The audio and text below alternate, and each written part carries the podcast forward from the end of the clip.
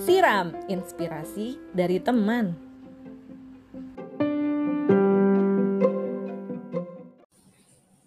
Halo Angga. Halo Steph, gimana gimana? Apa kabar? Alhamdulillah sampai detik ini masih sehat. Alhamdulillah. Baik juga, masih sehat walaupun uh, pandemi masih ada ya enggak, belum kayak kelar banget, cuman kayak sekarang udah normal lagi sih ya sebenarnya. Gitu. 80% lah sekarang kayaknya udah mulai balik lagi seperti normal, cuman emang masih belum sih orang juga pada udah kebiasaan kami jadinya kayak biasa aja sih lama ya. ya. Hmm. Mm -mm. Yes, benar-benar.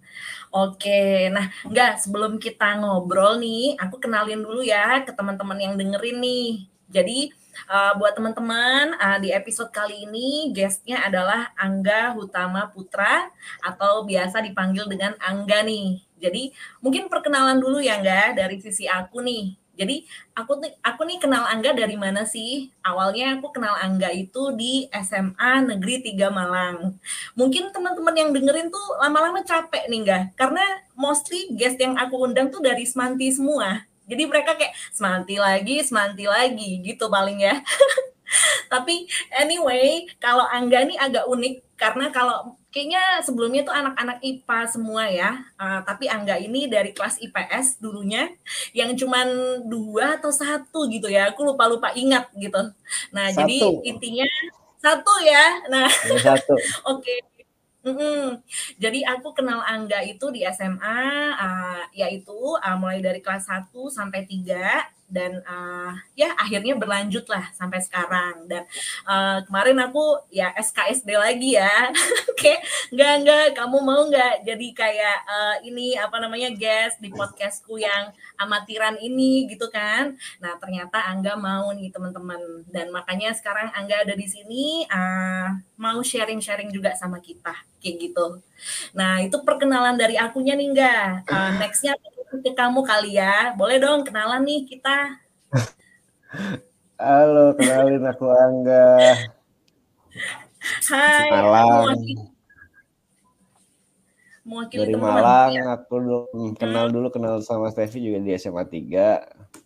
Mm -hmm. Terus aku jujur aku nggak tahu mau ngomong apa karena ini kan pada akademisi semua tuh. Kayaknya juga uh -huh. bukan orang yang kuat di bidang akademisi mungkin ya. Jadi emang ya aneh juga sebenarnya kalau Stevie tiba-tiba ngajakin aku buat bikin podcast ini tiba-tiba kayak Enggak dong. Hmm. Bi bingung juga mau ngomong apa sebenarnya. Uh, perkenalan dulu kali. Ah, oke. Okay. Uh, biasanya gini enggak template-nya. Kita bilang kuliahnya jurusan apa gitu kan. Okay. Nah, sekarang kerjanya, kerjanya apa gitu. Oke oke oke. Jadi kalau basic dari pendidikan ya SMA di SMA. 3 Malang, jurusan di PS. Yes. Selalu jadi selalu jadi ketua kelas di PS karena kelasnya cuma satu, cuma buat dapat dispen keluar doang. Oh, modus Terus, ternyata ya. Modus. Terus setelah uh -uh. itu aku kuliah di Malang di Brawijaya jurusan manajemen internasional tahun 2010. Uh -huh. Nah, di situ aku ngambil double degree di University of Southern Queensland di Australia uh -huh. di tahun ketiga sampai keempat itu aku ngambil itu jadi double degree yang satu fakultas ekonomi yang satu yang di Aussie dan dapatnya aku gelar sarjana ekonomi dan bachelor of gitu. Jadi sebenarnya hmm. sama-sama S1-nya sih cuman biar keren doang dapat dua.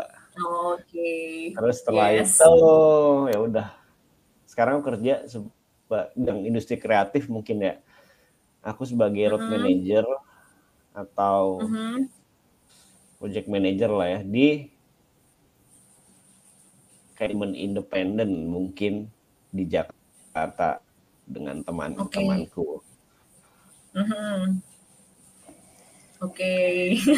nah tadi Angga mention ya kalau pekerjaannya sekarang adalah road manager. Nah, road manager dari siapanya nih kita tanyain yuk teman-teman dari Asik. artis siapa sih enggak gitu kalau bicara manager kan pasti memanage uh, seseorang ya which is kalau konteksnya di bidang kreatif kan pasti ada artisnya gitu ya siapa sih enggak jadi sekarang aku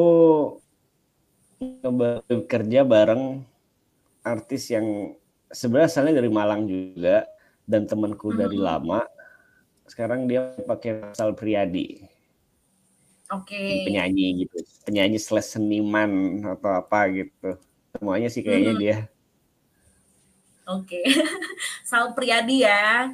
Atau Priadi. kita dulu, uh, uh, kita dulu kenalnya dengan nama yang berbeda ya. Boleh dimention nggak sih kan namanya? Boleh. Sampai uh. sekarang pun aku juga masih manggil dengan nama itu meskipun banyak orang. Jadi semua orang pada uh -huh. tahu kalau aku emang manggilnya bukan Sal Priadi, cuma aku manggilnya Ziki. Okay karena dia emang temanku dari kecil dan emang nama panggilannya Ziki. Oke. Okay. Kalau tiba-tiba ganti jadi Sal nanti malah aneh gitu ya enggak ya? Aneh, cuman ada sih beberapa kesempatan yang kayak formal banget. Itu juga aku manggilnya uh -huh. Sal biar biar biar enak aja ke klien atau ke mana gitu. Cuman kalau nyamannya emang oh. dari dulu kebiasaan manggilnya Ziki. -huh.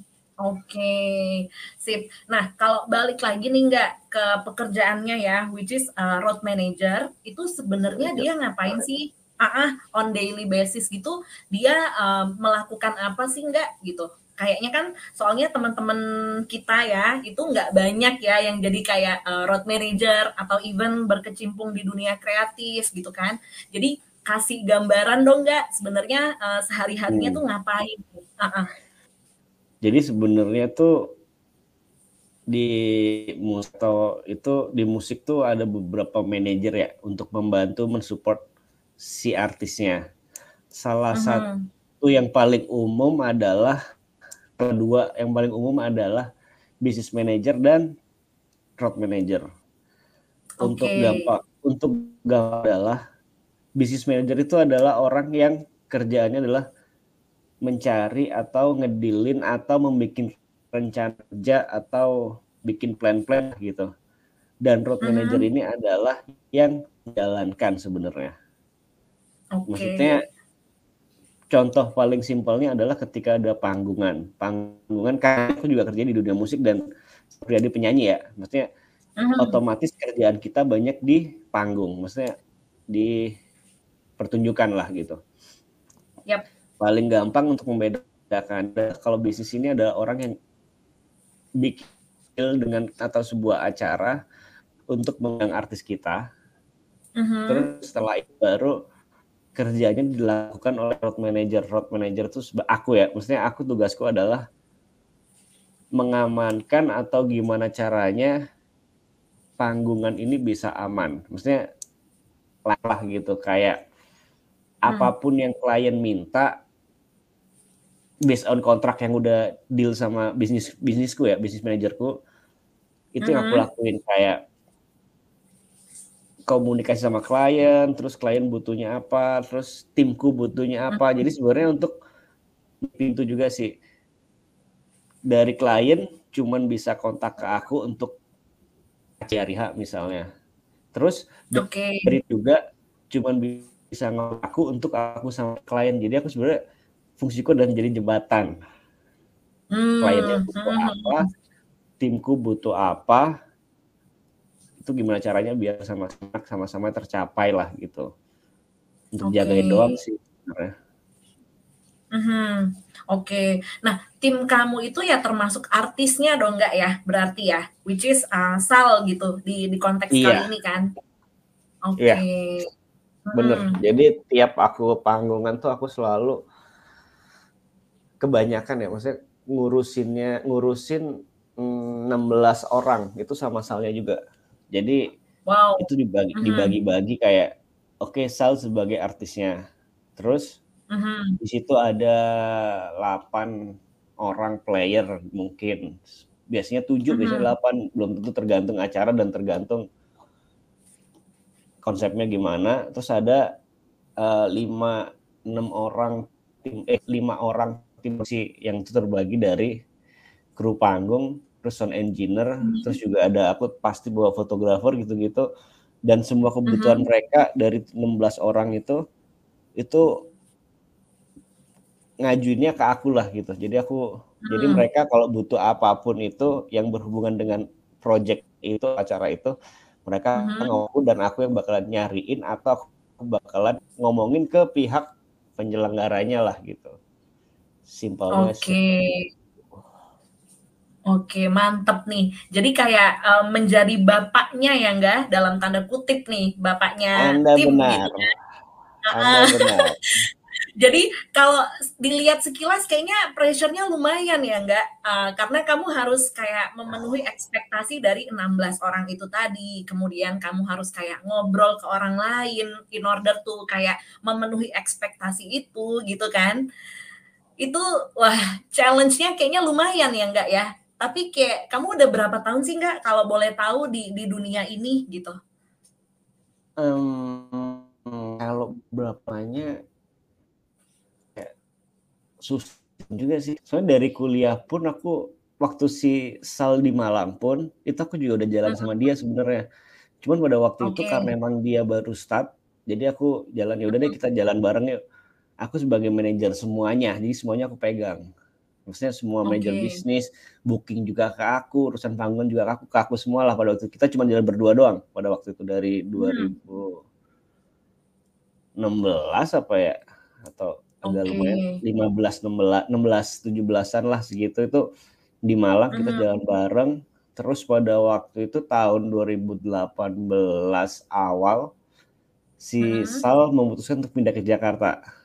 Ah, oke. Okay. Dan pada waktu itu aku diajak sebenarnya, yuk mau nggak kita berdua, yuk kita merantau uh hmm. -huh. bareng yuk gitu.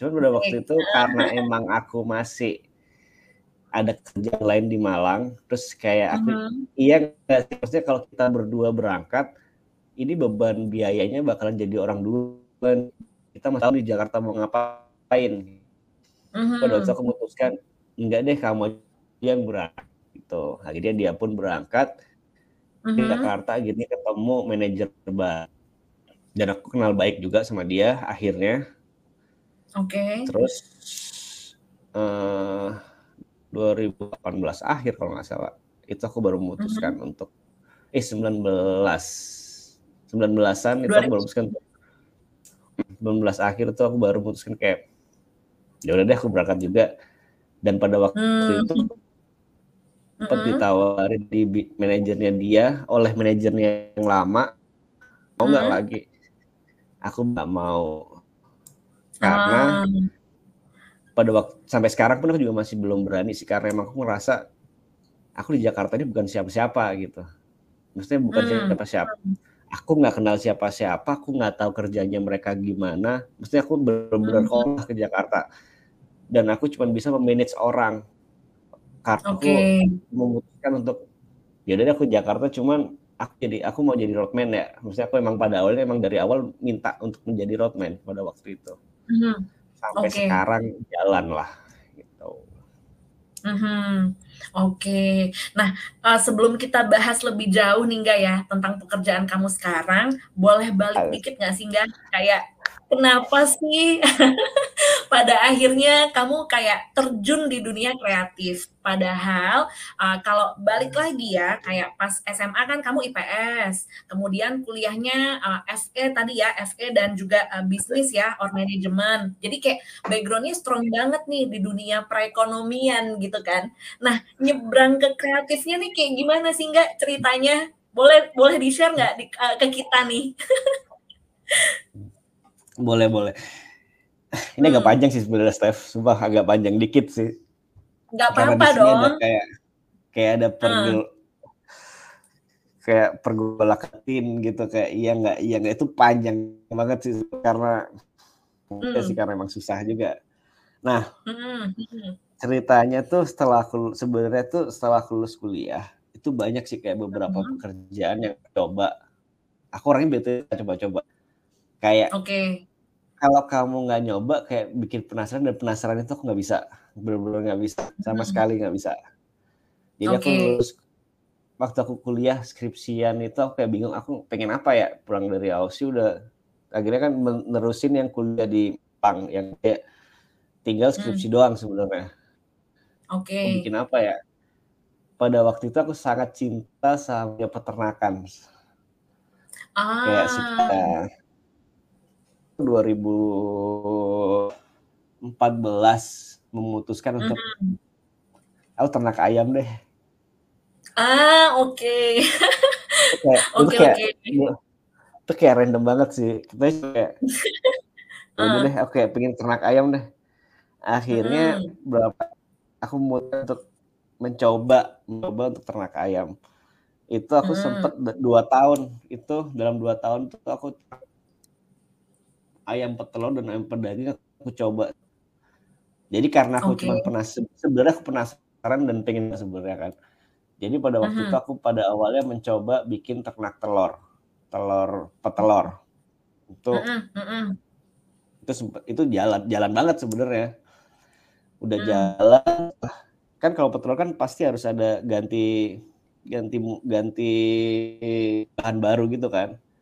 Yes. Kal terus pada waktu itu aku kayak mikir, mmm, kayaknya ilmunya udah cukup deh sampai segini dan aku udah nggak penasaran nih, udah pernah.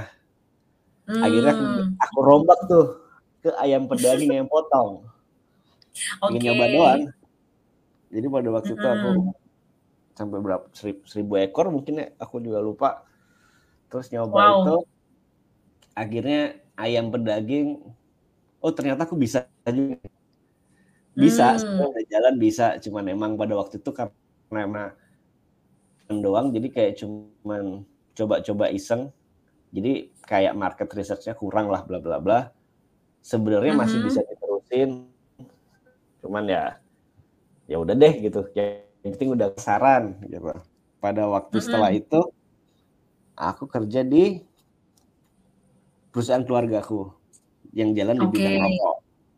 Jadi aku setelah Oke. itu ayamnya aku tutup, udah setelah 2 tahun setengah, 3 tahun lah itu. Tutup. Mhm. Nah, setahun terakhir tuh aku juga sambil nyambi kerja di yang di pabrik ini, kantoran Mhm gitu. mhm. Terus lama terus kejadian akhirnya nggak bisa nih kalau kerja fokusku kepecah banget. Yang di ayam kan aku kerja sendirian tuh. Aku kayak tiap hari ngasih makan sendiri, Steph. Kayak ngasih makan sendiri, Ah. beli pakan sendiri. Jadi kayak emang harvest moon Wow. gitu. Harvest Itu moon salah satu banget. iya, itu salah Heeh. satu pengalaman hidupku yang aku sih kayak aku pa pagi-pagi harus naik mobil ke daerah Tumpang sana untuk ngambil berapa satu pickup itu buat jagung semua itu aku pernah angkat sendiri gitu-gitu. Ya Selama 2 ampun. tahun setengah. Nah Heeh heeh. bahkan dan kepecah nih udah nge akhirnya aku pin pindah kerja ke perusahaan kantor keluargaku. Di situ aku jalan jalan jalan jalan, nggak tahu Mhm. kenapa aku mulai main tuh sama beberapa temen aku yang di Malang yang berkecimpung di dunia musik dan video. Maksudnya musik dan video. Di dunia-dunia perkumpulan mereka, aku lagi main sama mereka mulu gitu. Di situ aku banyak-banyak belajar banyak hal dan aku mulai tumbuh tuh ketertarikan. Kayaknya asik deh kerja di dunia musik. Soalnya kan Mmm. ya emang kita semua bak ya siapa sih nggak suka musik sesimpel itu loh. Yes, benar Dan kayak, hah, kayaknya mereka bisa deh cari duit di situ. Kenapa nggak bisa gitu. Pertama cuma gitu doang, Mmm. seiseng itu. Terus Oke. ngeliat anak terus ngeliat anak bikin video nih, ada temanku yang kayak suka bikin video di Malang. Eh, keren juga ya, maksudnya ya cuman dari otak doang dan dibantu Mhm. beberapa orang, dia bisa menghasilkan sesuatu yang ya baru baru lah ya, maksudnya sekarang udah zaman sekarang udah nggak ada yang baru ya, cuman mem Mmm. membuahkan sebuah hasil yang real gitu. Kayak Mhm. ya kamu bikin video dan kamu bisa bisa lihat tuh hasilnya apa ya video itu. Dan itu Mhm. ternyata setelah Yes. ngobrol sama orang-orang yang bikin video, ih seru juga ya, maksudnya seru seseru itu dari nol di Mhm. sebuah video dari be kumpulan beberapa orang beberapa orang. Nah, dari situ aku kepikiran nih, aduh apa ya, apa maksudnya ya kita hidup kan seenggaknya harus harus tahu fungsinya dan harus tahu posisinya kan. Betul. Nah di pada saat aku kerja di pabrik tuh dan aku kumpul sama teman-teman yang di industri kreatif tuh kayak kayak kepikiran, anjing ini kayaknya kalau aku kenapa-napa atau ada apa-apa, aku nggak bisa hmm. ninggalin maksudnya nggak ada nama yang tertinggal dengan nama Angga Utama Putra gitu maksudnya ah. ngerti nggak? Maksudnya nggak ada. Cuma ya, sekedar uh, nggak ada legasinya ya nggak ada peninggalannya gitu nggak? Iya mungkin iya bukan peninggalan yang gimana gimana cuman seenggaknya hmm. ada pembuktian yang kayak oh pernah lo bikin sesuatu ngerti nggak? Ah paham paham. Nah, oke oke. sesimpel itu sih bukan yang khas legacy kayak kayak lagu yang keren orang seribu orang dua ribu orang yang dengerin bukan. Cuman kayak aku pernah hmm. bikin sesuatu loh kayak gitu agak kepikiran kepikiran mm-hmm. sambil lo kerja di pabrik cuman kan jamnya juga fleksibel juga kan jadi aku sering main mm-hmm. itu aku mulai tuh kayak deket sama mereka terus mereka kayak pada awalnya tuh aku mencoba ini aku belum masuk di musik ya maksudnya aku di video mm. dulu yes itu aku kayak diajakin eh aku mengajukan diri untuk menjadi orang mencarikan tempat location. Jadi kalau hmm. di video itu ada location manager.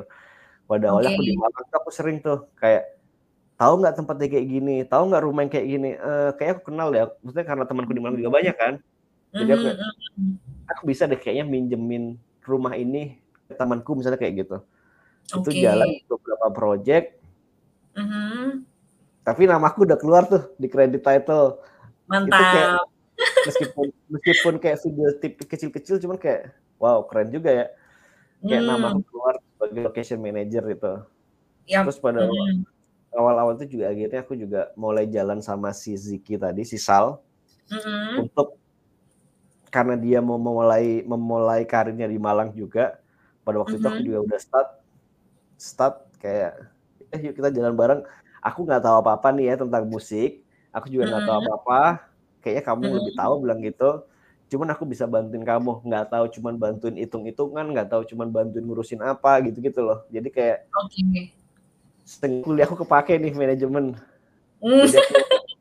jadi oke oke okay, jalan bareng tuh berdua sebagai manajer yes. ala manajer ala ala pada waktu yang nggak ada programnya sama sekali sih kayak mm, hitungan mm. cuma pakai Excel biasa nggak ada rumusnya yang penting aku keluarin duit segini masuk segini gitu-gitu doang nyariin kerja gitu-gitu doang mm-hmm. jadi yep. jadi pada waktu lumayan seru sih aku jalan sama Zki sama Sal terus aku juga ada beberapa temen yang video lama-lama mm-hmm. tuh ada dari timku yang lama yang menjadi location manager pada waktu aku akhirnya memberanikan diri karena penasaran lagi lagi-lagi karena mm-hmm. penasaran yes aku mengajukan hmm, kayaknya aku bisa deh menjadi asisten sutradara waktu itu. Wow, oke. Okay. Jadi aku menawarkan waktu temanku dapat project sebuah YouTube series kalau nggak salah. Cuman YouTube series mm -hmm. kecil gitu ada tuh di YouTube berpayung rindu. Nah, okay. itu aku menawarkan, waduh ini projectnya lebih gede nih daripada yang sebelum-sebelumnya. Mm. Orangnya banyak, kita syuting tiga hari, empat hari, empat hari kalau nggak salah. Mm. Aku secara PD-nya menawarkan, aku pengen coba deh jadi sutradara. Oke. Okay. Untungnya aman tuh, udah jalan tuh aman, hmm. udah aman. Terus setelah itu si Ziki pindah ke Jakarta, aku ketinggalan di Malang. Oke. Okay. Aku tetap jalan yang kerjaan tetap sih yang di di kantor itu. Uh -huh. Terus cuman karena emang temanku yang video ini lumayan aktif jadi sering ikut-ikut bantuin lah gitu. Ikut-ikut lama-lama tiba-tiba mendapat sebuah project. Pada waktu itu dari Koldiak dari pada waktu itu Koldiak masih sama Juni Record. Mm-hmm. ditawarin lah untuk bikin video klip. Okay ini menurutku kayak kerjaan yang benar-benar profesional pertama di dunia video pada waktu itu. Dan mm-hmm. ternyata aku mendapat posisi menjadi produser waktu itu. Wah, Jadi, langsung ya, produser ya, bukan asisten produser ya enggak ya? Bukan, langsung jadi tapi ini juga sama-sama blok-blokan gitu kayak sutradara aku berani nggak? Jadi budgetnya menurutku yang paling gede pada waktu itu ya, maksudnya pada waktu okay. itu di Malang paling gede soalnya mm-hmm. kita udah dapat rate harga Jakarta terus kita juga pada waktu karena Koldiak ada featuring sama artis Malaysia jadi mm-hmm. ada artis Malaysia yang sempat ke Malang tuh dua hari hmm. untuk oh. syuting doang. Nah, okay. budget yang serius lah gitu hitungannya. yes. Dalam dalam syuting dua dua hari tuh, aduh aduh aduh. Dan untungnya aman, klien juga aman dari pihak timku juga aman. Ya waktu waktu itu syutingnya aman, cuman kendala-kendala standar dan lumayan lumayan menyenangkan menurutku dan salah satu hmm. full yang paling aku suka gol dia. Okay. Mm-hmm. Itu di lagu apa tuh enggak? Biar kalau ada teman-teman yang kepo kan, okay. pengen lihat gimana sih musik videonya? Uh-uh. Itu di lagu No Make Up. No, no Make Up. Nah, itu yang okay. featuring, featuring Nick dari Malaysia pada waktu itu. Itu syuting okay. dua hari. Nah, itu kalau nggak salah 2019 atau 2019 kalau nggak salah pertengahan mm -hmm. gitu atau awal lupa juga detailnya. Mm -hmm. Cuman pada akhir tahun 2019 tuh aku kayak sempet kayak bukan jen ya jenuh ya jenuh, bosen ya bosen, nggak tahu juga namanya apa ya, sempet kayak stres lah gitu dengan mm. pekerjaanku dan kondisiku pada saat itu. Jadi aku sempet okay. kayak agak serem juga sih Steph kayak tiga bulan empat bulanan tuh kayak aku nggak mau keluar rumah aku kayak nggak hmm. mau megang nggak mau ketemu orang kayak semua nggak enak lah aku juga nggak jelaskan apa ya kenapa juga nggak bisa menjelaskan padahal okay. kantorku itu tinggal nyebrang doang maksudnya tinggal nyebrang hmm. rumahku hmm. nyebrang. Jadi kebutuhannya cuma siap-siap di rumah mandi berapa menit sih? Lima menit ganti baju. Kita nggak perlu nggak perlu nyariin motor ini nggak perlu. Nyalain mobil juga nggak perlu. Tinggal jalan nyebrang. Itu udah ke kantor. Itu aku tiga bulan nggak masuk. Kayak bener-bener wow. dua hari tiga hari gitu doang. Kayak emang sesetek nggak tahu stres apa gimana gitu. Mm-hmm, mm-hmm. dan itu hampir itu pertengahan tahun lah.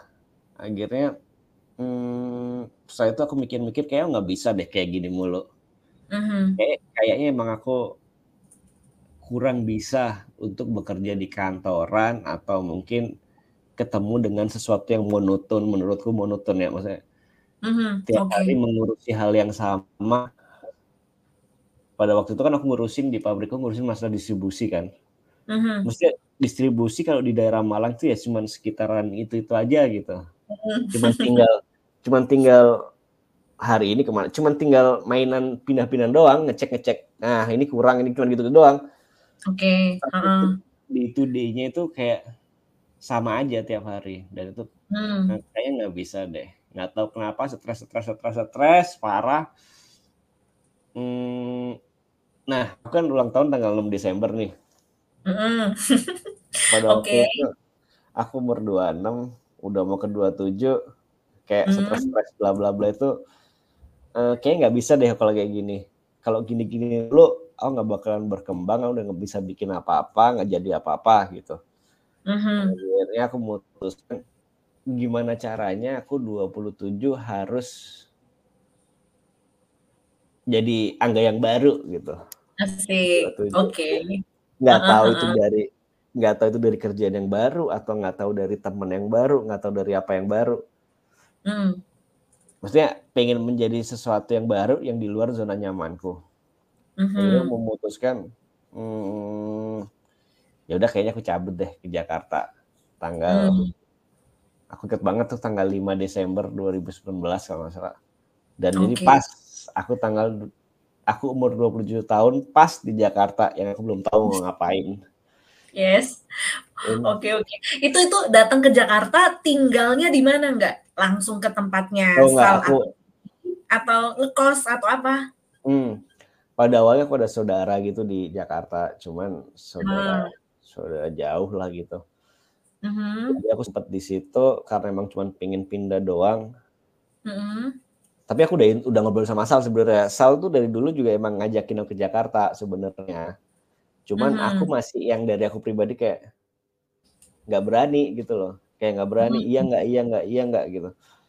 Nah, pada awalnya aku nginep di saudaraku itu dua tiga hari kalau nggak salah itu aku udah ngobrol sama Sal udah ketemu ya udah deh kita jalan terus dari tim yang lama dikenal kenalin hmm. mulai jalan sama mereka oke okay.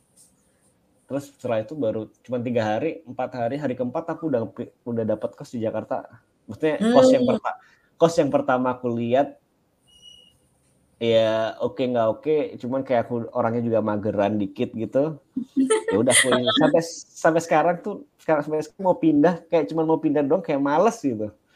Ah berarti kos yang waktu 2019 sampai sekarang masih sama nggak? Masih sama masih tetap Ah, oke okay, oke. Okay. Boleh di spill nggak daerahnya aja nggak? Nggak usah ke jalan-jalannya ya. Daerahnya aku di Jakarta, sekarang di Jakarta di Dekoa, maksudnya di arah-arah Bintaro situ. Kan Ah, oke. Okay. Kan sebenarnya hmm. base base-nya kerjaannya Sal itu di Bintaro kantornya. Cuman okay. kerjaanku banyak yang di kayak ketemu orang, ketemu temen di Jakarta Selatan. Nah, posisi rempuan hmm. di tengah tuh, di tengah tuh. Kau ke ke Bintaro hmm. kantor 20 menit ke Jakarta Selatan juga 2 menit. Jadi yes. tengah, jadi enak. Pas nah, ya. Pas. Hmm, hmm. Oke. Okay. Oke, jadi akhirnya kamu memberanikan diri lah ya dengan kayak uh, motivasinya itu tadi ya, pengen jadi angga yang baru gitu ya. Uh -uh. Hmm, oke oke. Okay. Tambahan hmm. juga ya buat yang masalah aku ke Jakarta ya. Uh -huh. Maksudnya kan menurutku juga hal yang yang telat ya menurutku ya karena pada umur 27 tahun aku baru memulai karir dari nol. Menurutku dari nol karena aku di Jakarta nggak kenal siapa-siapa. Aku juga nggak mm -hmm. tahu industri musik kayak apa. Berangkat dari mm -hmm. nol. 27 tahun, okay. bayangin itu udah telat yes. kan. Itu yeah, yeah, yeah. Kayak satu kayak semisal aku kayak ke Jakarta bareng bareng Sal aja, bareng Ziki aja. Mungkin progresku untuk mengetahui Medan Jakarta nggak seperti sekarang gitu karena betul. nah, sekarang masih hmm. ya gini aku kehilangan setahun dua tahun lah gitu. Nah hmm. dan apesnya ketika aku berangkat ke Jakarta udah kayak bertekad nih aku mau ke Jakarta deh. Udah, hmm. udah pindah udah jalan di Jakarta nih.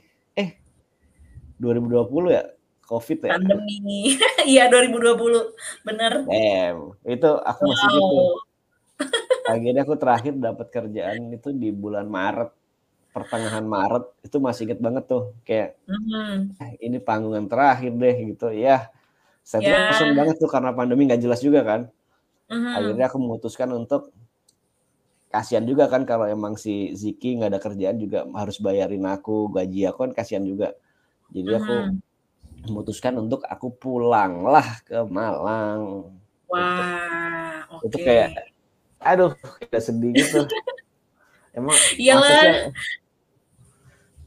masa aku nggak bisa sih kerja di dunia musik ini apa aku emang harus balik kucing ini kayak ya malu ada ya kayak sedih ada ya dari uh-huh. Maret sampai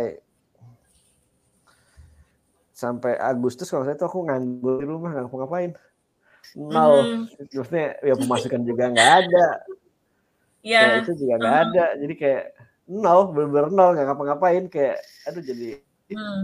aduh nggak jelas juga Sam.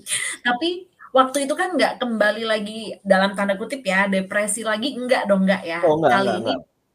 ah balik ke Malang memang kayak nggak ada kerjaan tapi feelingnya udah jauh berbeda kali ya enggak ya? Oh jauh jauh banget. Maksudnya udah udah ngerasain di Jakarta maksudnya udah ngerasain kerjaan yang aku suka ya. Bukan di Jakarta ya sebenarnya lebih ke kerjaannya sebenarnya. Kayaknya yes, aku di mana pun kerjanya di dunia kayak gini yang sekarang bakalan seneng gitu. Nah oke. okay pada waktu aku balik enggak sih pada waktu enggak di enggak enggak insek banget enggak. Aku belum merasa gagal pada waktu itu. Nanti aku nggak okay. ngerasa gagal. Mm-hmm. karena pandemi pandemi ini gak cuma aku doang gak cuma Indonesia doang satu dunia juga ngerasain gitu. Betul. Nggak mungkin yang aku nggak ada kerjaan pun juga kayak Chris Martinnya Coldplay juga nggak punya kerjaan juga sama aja gitu jadi kayak benar-benar oh, uh. oh ini jadi ada pembelaan yang mem, mem, membela adalah kayak ini bukan salahku kok ini bukan salahku uh -huh. ini bukan karena aku nggak bisa kok jadi kayak ya pembelaan yes. gitu doang cuman ya enak -huh. maksudnya bukan enak ya kondisi lebih lebih enak lah gitu karena masih ada harapan uh -huh. dan baru okay. balik balik lagi setahun kemudian baru balik ke Jakarta Mm-hmm. Ah, which is itu 2021 ya enggak ya? Iya, 2021 awal aku ingat banget tuh Januari. -hmm. Si sebenarnya aku Desember tuh udah diajakin ke Jakarta sama si Sal sama manajemen juga. -hmm. Cuman pada waktu itu aku terlanjur menerima kerjaan dari saudaraku untuk mm. ini juga random kerjanya juga random banget nih dekat Jakarta sebenarnya cuma super random apa untuk, tuh uh. untuk membangun pasar revitalisasi kalau nggak salah namanya maksudnya okay. pasar lama dijadi modern gitu loh ah yes yes yes nah saudaraku dapat project itu terus mm -hmm. di Karawang sini mm.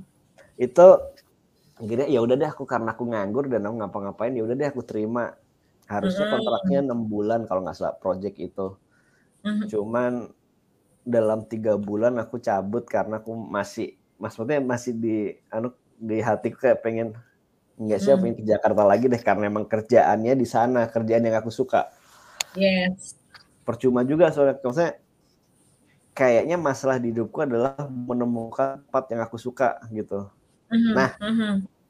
di dunia seni ini kreatif industri kreatif salah satu hal yang aku suka ternyata. Jadi pada okay. waktu itu ya udah deh, aku balik ke Jakarta lagi deh. Itu setelah tiga bulan aku cabut balik -huh. ke mm-hmm. Jakarta. Seru sih itu. Okay. Hmm. Jadi balik ke Jakarta itu balik kerja lagi sama si Sal itu ya, enggak ya? Iya, iya. Sebenarnya langsung ya. Langsung mm-hmm. sebenarnya sebenarnya pun juga pada waktu aku di Karawang tuh dia udah udah kayak karena emang kondisinya udah mulai membaik kan pandemi, maksudnya udah mulai ada project yang masuk, ada iklan yang masuk, ada apa yang masuk kerjaan gitu kan.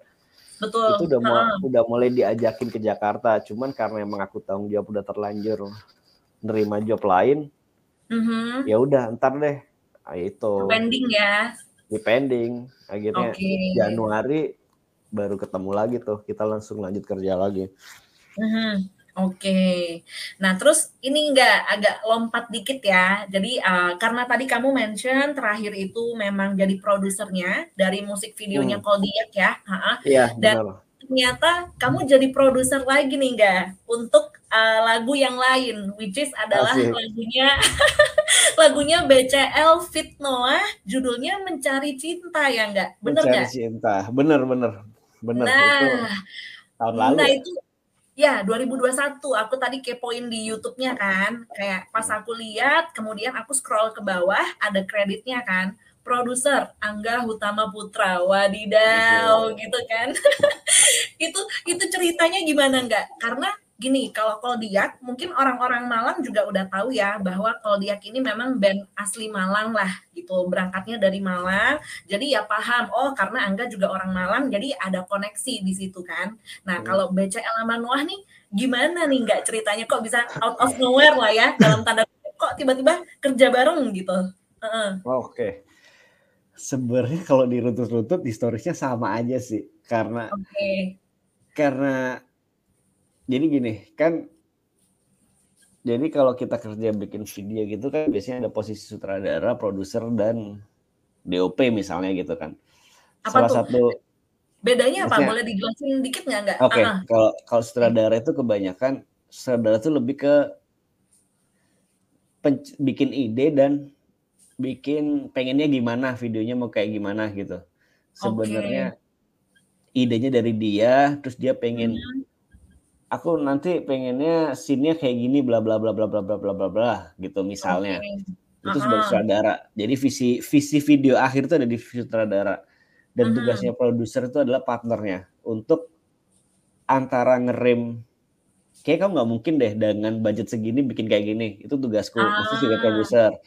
Yes, oke. Okay. Dan atau men memfasilitasi apa pun yang maksudnya memfasilitasi visinya dia. Mm-hmm, Jadi kayak mm-hmm. aku pengen kayak gini terus kalau aku ngitung mikir masuk akal nggak ya? Kalau mau masuk mm-hmm. akal ya udah yuk gas gitu. Jadi tugas okay. produser adalah ke menjaga juga sih sama kayak kerjaanku di road manager. Nah, mm-hmm. cuman kalau di produser video yang pernah aku kerjain itu juga budgeting juga aku yang ngurusin. Jadi semua pemilihan tim, pemilihan hmm. itu juga dari aku juga sesuai okay. dengan arahan tapi sesuai dengan arahan sutradara juga ya maksudnya uh-huh. aku ngasih aku nyari tim kalau sutradara cocok ya udah yuk gas karena kan aku yep. juga harus mikirin budget gitu kan betul nah kalau diruntut dari ceritanya yang si dapat project Noah itu uh-huh. hampir sama kayak yang di Koldiak karena pada waktu itu sutradaranya sama sebenarnya sama-sama oh. Sama-sama anak Malang nah okay. pada saat itu sutradara ini dapat pro, karena dia banyak klien kliennya udah lumayan gede lah banyak beberapa klien gede gitu ya uh-huh. terus pada saat dia dapat Noah ternyata produser pergangannya dia salah apa kayak nggak bisa gitu nggak tahu ada job oh. lain atau gimana aku juga kurang tahu detailnya uh-huh. Jadi pada waktu itu aku menjadi substitusi jadi kayak tiba-tiba dikontak aku dapat project Noah nih buat tanggal segini kita ada mm -hmm. waktu prepare tiga bulan gitu dengan mm -hmm. budget segini syutingnya tanggal segini terus decknya maksudnya ini gambaran videonya kayak gini budgetnya segini oh mau nggak oh. gitu jadi mm -hmm. cuman sebagai pengganti sebenarnya project ini udah dapat mm -hmm. Cuman karena timnya nggak bisa gini aku diganti aku gantiin gitu Oke. Okay. Ya udah deh yuk daripada aku juga kosong di Jakarta waktu itu juga lagi gak ada panggung juga kan Uh-huh. BTW yang kerjaanku di video ini cuma sekedar buat seneng-senengan doang sebenarnya bukan yang kayak aku ngejar kerja hmm. di situ. Kalau kerja ah. aku tetap yang di sal tadi. Ya? Oh, okay. yang di sal tadi. Nah, yep. ya udah setelah itu kita jalan beberapa minggu kita prepare ya udah jadi kayak gitu sih akhirnya lumayan. Ah, yes. Tadi aku nonton tuh sebelum kita ini ya. Rekaman ini kan kayak kayak gimana sih ini yang dibikin sama Angga gitu kan. Asik. Ternyata, kamu bilang kan kalau ide-ide itu tuh sebenarnya punya sutradara, produser yeah. ini mungkin lebih ke kayak visible nggak sih itu kayak bisa iya. dilakukan yeah. uh -uh, gitu-gitu kan ya tapi anyway Angga juga terlibat di dalamnya kan jadi oh, aku yeah. kayak iya kayak gini ya konsepnya menarik sih enggak dan wah itu kayak aku kayak agak kaget jujur ya kayak wah konco kure nih kata orang Jawa ya kayak temenku wow. Jadi produser untuk artis sekaliber uh, BCL sama Noah gitu kan. Dan di situ tuh kamu ada kayak diskus sama mereka langsung nggak sih nggak sama dua artis itu? Oke, sebenarnya kalau masalah diskus yang secara langsung sih enggak ya. Karena itu tadi aku masuk setelah proyek jadi.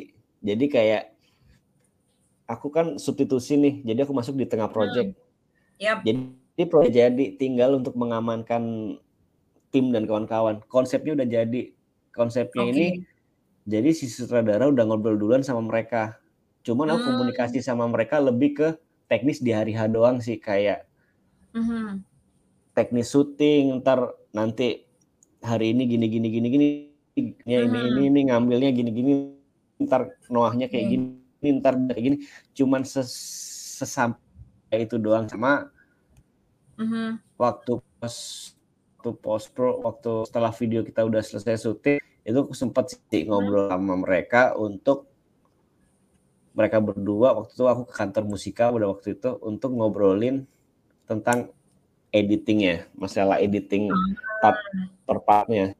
Dan okay. itu baru tahu kalau ternyata BCL emang sekeren itu. Baru tahu. Keren Maksudnya, uh. Kerennya kan, kenapa tuh? Uh. Ya menurutku aku tahu sekali ber-BCL, aku kira kan kalau artis gede itu ya, mesti segede itu kayak manja gimana-gimana gitu kan. Dan hmm, hmm, hmm mungkin hmm. ini doang. Cuman ketika di proses editing, waktu ketemu diskusi bareng nanti part ini buat ini, part ini, part ini buat ini gitu-gitunya. Uh-huh. Ternyata dia tuh udah isi, maksudnya udah ada gambaran. Jadi yang yang kemarin kita syuting, yang aku pun tuh udah lupa sebenarnya kayak aku lupa kalau emang kita ngambil scene seperti itu. Dia tuh masih inget okay. dan dia mau dan dia kayak part ini ditaruh di sini. Terus aku nanya, "Loh, kenapa?" Terus dia menjelaskan uh-huh. kalau soalnya liriknya itu menggambarkan A B C D E F G. Jujur aku sebagai orang yang mengerjakan videonya kayak, "Hah, aku nggak kebayang sejauh itu deh."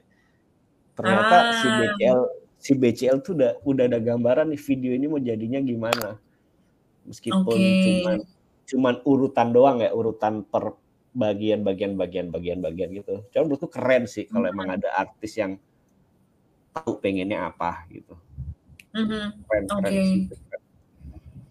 Hmm, karena kalau kayaknya kalau apa ya pengalamannya belum sebanyak BCL, kayaknya mereka pun masih nggak tahu gitu ya mau dibuat kayak gimana sih gitu ya. Take benar syuting, tapi kayak gimana sih placementnya? Mungkin mereka belum ada visi ke situ kali ya enggak ya. Jadi Mungkin. pas kamu ketemu BCL yang udah tahu apa yang dia inginkan, gini-gini ini kayak kamu kayak wah oh gini ya uh, bedanya gitu mungkin ya kalau uh, kerja sama artis yang udah kaliber gitu. sebenarnya lebih ke bukan kepengennya lebih ke dia memahami banget sama lagunya dia sendiri. Jadi kayak ah, oke okay. Selain dia memahami, dia juga ada gambaran tuh kayak lirik ini, scene harusnya kayak mm -hmm. gini nih gitu. Maksudnya ah, menurutku nggak nggak semua nggak semua artis bisa, maksudnya nggak semua artis mikirin itu sebenarnya. Mm -hmm, Cuman kayak ini dalam menurutku dalam banget karena emang ada penjelasannya. Pada waktu itu dia juga menjelaskan meskipun aku juga lupa ya menjelaskan apa ya. Mm-hmm, cuman mm-hmm. ada penjelasannya pada waktu itu. Karena pada waktu ini liriknya nih soalnya lirik menggama ABC gini. Ah aku mm-hmm. juga? Keren sih? Gitu ya keren tuh Oh oke okay, oke. Okay. Nah pertama kamu ditawarin tuh nggak sama sutradara yang dari Malang? Itu tuh hmm. kamu gimana sih nggak reaksinya? Apakah kamu biasa aja, ah oke okay, another project, atau kamu kayak, hah what gitu kayak Noah dan BCL gitu. Kamu ada heboh hebohnya kayak gitu nggak sih seorang Angga nih, atau kamu super chill gitu? Sejujurnya pada waktu itu sih kayaknya aku biasa aja deh. Wow. cuman, okay. cuman, cuman efeknya ketika ketemu di hari H itu kayak, oh ngelihat ngelihat BCL-nya datang dengan timnya yang belasan orang juga keren juga sebenarnya satu orang diurusin segitu banyaknya orang cuman gak ada yang tabrakan mm-hmm. tuh yang mereka tahu fungsinya mm-hmm. orang ngapain itu menurutku keren sih okay. karena mm-hmm. karena kerja aku kan di bidang memanage orang kan jadi kalau udah yes. ada kerjaan yang bisa banyak itu dan tanpa tabrakan kanan kiri itu menurutku keren sih susah loh hmm. maksudnya menghandle segitu banyaknya dengan tugasnya masing-masing keren betul, betul. pada waktu itu di hari H baru ngerasa ada wahnya itu baru kerasa sih ketemu mereka cara mereka ngomong hmm. gitu ah, okay. kalau waktu pertama-tama enggak sih jujur ya mm-hmm. mantap nih berarti Angga nih kayak oh ya biasa lah gitu dan iya sih begitu kayak udah ketemu di lapangan kan kamu pasti tahu ya itu tadi kayak gimana sih cara mereka kerja tim mereka seperti apa. Barulah di situ ada kayak credibility ya. Oh memang bener sih pantas gitu loh kalau mereka udah di hmm. posisi hmm. mereka sekarang gitu kali ya enggak ya? Ya benar setuju. Dengan kata-kata Bursa setuju banget. Maksudnya ya setuju banget karena ya setelah itu baru aku bisa menilai memang ternyata kamu posisimu di situ gitu ya karena memang kamu sekeren itu gitu jatuhnya Yes, ah oke okay, oke. Okay. Nah terus kalau untuk balik lagi kalau ke artismu sendiri ya, C, kayak apa ya artismu sendiri gitu. untuk si Sal atau Ziki itu tuh kan pasti dia juga bikin MV kan. Nah apakah kamu juga terlibat gitu nggak di sana atau kamu kayak pure menjalani ya aku as a road manager aja kalau konteksnya sama Sal kayak gitu? Uh, jujur sampai detik ini sih kalau yang resmi kayak bikin video klip terus aku sebagai apa apa gitu masih belum sih karena hmm. emang ya kan kalau sama Sal uh-huh. dia itu karena emang sosialnya bagus dan temennya banyak uh-huh. jadi banyak jadi beberapa kali kita project bikin video tuh udah ada yang megang aja gitu jadi aku malah malah aku dari pihak Sal aku malah dari jatuhnya kerja pihak pihak produksinya malah ah. aku yang baru ah. kayak Sal pengen apa aku ikut mikir gitu-gitu doang sih cuman nggak sampai mm-hmm. kayak di produksinya belum kayaknya belum di situ juga aku karena sama mm-hmm. dia saya kan aku okay. nih kayak sebagai produser jalan sendiri itu susah sebenarnya harus punya teman kayak sutradara gitu. Yes, benar. Harus mencari uh gitu.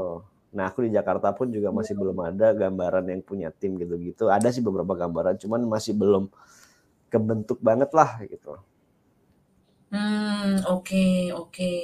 Jadi ya kamu kayak posisinya lebih ke road manager gitu ya enggak ya? Mm-hmm. Kalau di salnya ya. Benar. Oke. Okay. Mm-mm. Berarti kalau in terms of kayak portofolionya enggak uh, so far project yang paling besar itu ya Noah sama BCL ya? Iya. Atau ada?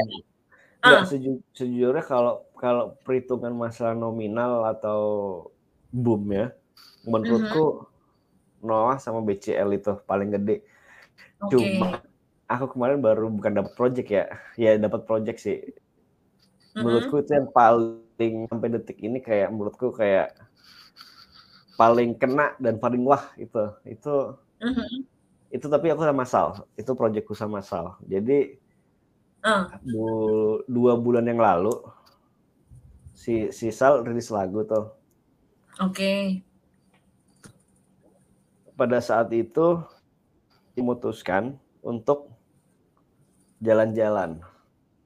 Mm-hmm. Maksudnya uh, mm. pada waktu itu dia nggak mau, aku kayak aku nggak mau waktu rilisan ini aku nggak mau, maksudnya Sal, Sal nggak mau untuk interview ke bla bla bla bla kan kalau kamu habis rilis lagu kan pasti pro pasti rilis eh promo kan pasti ke radio-radio gitu kan ke media-media lah gitu.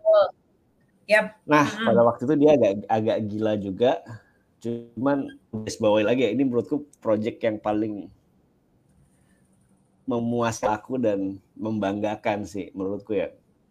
Okay. Jadi proyeknya itu adalah untuk promo apalah itu mm -hmm. kita berdua jalan-jalan maksudnya jalan-jalan okay. dan kalau pengen manggung manggung nyanyi nyanyi gitu nah akhirnya mm -hmm. itu sempat kejadian jadi kita berdua ber, ber, berdua doang kita naik kereta ke Jogja oke okay.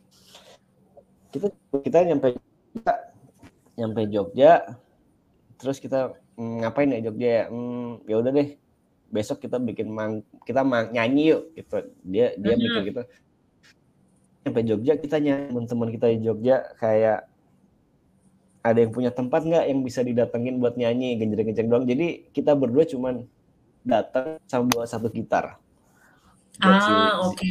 nyanyi nah uh, uh, uh. nyampe Jogja malamnya ketemu temen yang di sana terus akhirnya dapet tuh besoknya tempat uh -huh. tempat di Jogja kayak kayak jiwa Jawi namanya itu ini uh -huh. Oke. Okay. Itu akhirnya kita memutuskan ya udah deh kita di Jogja kita memutuskan untuk bikin acara di situ acara kecil-kecilan uh -huh. infoin ke ke Instagramnya cuman aku hari ini mau manggung tan maksudnya manggung di Jiwa Jawi gitu dia kita nggak tahu jam dan kita juga nggak bawa speaker atau apa pun, cuman gitar doang. Oke. Okay. Gitar okay. doang. Dan si Sal ngasih tahu, dia nggak ngasih tahu, kan dia cuma ngasih info sejam lagi aku berangkat jauh gitu. Uh-huh. Nah, uh-huh. waktu sampai di sana, karena yang punya tempat kita kenal, jadi kita di belakang ngobrol-ngobrol. Terus waktu aku lihat ke depan untuk ngecek situasi, uh-huh. ternyata selama itu ada wow. 100 orang kalau nggak salah 100 kalau nggak salah oke okay. itu datang datang terus si Ziki nyanyi terus kita ngobrol jadi kita habis nyanyi nyanyi nyanyi cuma pakai gitar doang mm -hmm. itu mau menurutku nggak nggak bakalan keulang dan nggak bakal kebeli sih menurutku ada nggak itu gratis semua btw gratis semua ah, oke okay. jadi nggak ada duitnya nggak ada apa-apanya kita cuma datang cuma ngelihat Ziki nyanyi lagu barunya terus yang penontonnya mm -hmm. 100 200 waktu itu total 200 sekian akhirnya itu nonton mm -hmm. dan nyanyi tuh menurutku gila sih maksudnya itu salah satu project yang mm. soalnya aku cuma berdua doang nyari tempat nyari ide cuma berdua doang jalan mm -hmm. nah setelah dari Jogja kita lakukan kayak ke kita ke Semarang oke okay. dan itu juga nggak ada rencana ke Semarang sebenarnya kayak kita di Jogja waktu itu aku habis mandi. Mm-hmm. habis mandi terus keluar dari kamar mandi tiba-tiba sisa, sisa hmm, kita ke Solo ke Semarang ya? Hmm, aku aku bilang aku nggak pernah ke Semarang kayaknya. Aku kayaknya cuma pernah ke Solo bilang mm-hmm. kayak Solo terus dia bilang kayaknya Solo kedekatan deh. Udah deh kita Semarang. Itu langsung siangnya aku langsung ke Semarang berdua. Wow impromptu ya? Iya kita sama, kita Frankfurt belum dapat hotel. Jadi kita ah, di jalan. Iyalah. Belum booking di jalan, ya. Di, di jalan lah sama sebelum nyari hotel, nyari tempat. Akhirnya kejadian juga kita dapat tempat gitu. Dapat hmm. tempat di kafe juga temennya temen gitu-gitu. Terus kita okay. terakhir waktu itu rencana mau ke Malang, cuman karena waktunya nggak pas karena udah mau puasaan. Jadi mm -hmm. kita balik ke arah sana, kita ke Bandung. Ya di Bandung tuh juga makin pecah sih. Ah. Itu itu dibantuin beberapa temenku beberapa teman-teman yang di Bandung kita cari tempat. Jadi kita seharian tuh mulai siang sampai malam sampai sore maghrib jam 7 jam 6 kita cuma ke tempat-tempat tempat-tempat nyari tempat yang cocok itu. Akhirnya kita kita dapat dan karena tempatnya gede dan karena di kayak dipublikasikan secara bener gitu maksudnya ada yang bikin pamflet gitu. Pada hmm. saat itu di hari H yang datang kurang lebih 800 orang. Wow. Dan okay. itu yang, dan itu yang ngehandle cuma dua orang. Aku sama dibantu sama satu orang temanku yang di Bandung. Luar itu, biasa. Itu aduh, itu menurutku akhirnya bayangin loh kamu ada 800 orang di kelilingmu. Mm -hmm. Dan itu kamu cuma pakai gitar, nggak ada pengeras mm -hmm. suara. Nggak ada pengeras okay. suara. Jadi cuma mm -hmm. gitar sama nyanyi doang sama meja. Dia berdiri di meja gitu. Uh. tapi suara pun nggak ada. Cuma suara orang nyanyi 800 orang itu nyanyi. Wah itu, merinding sih. itu merinding sih. Itu kayak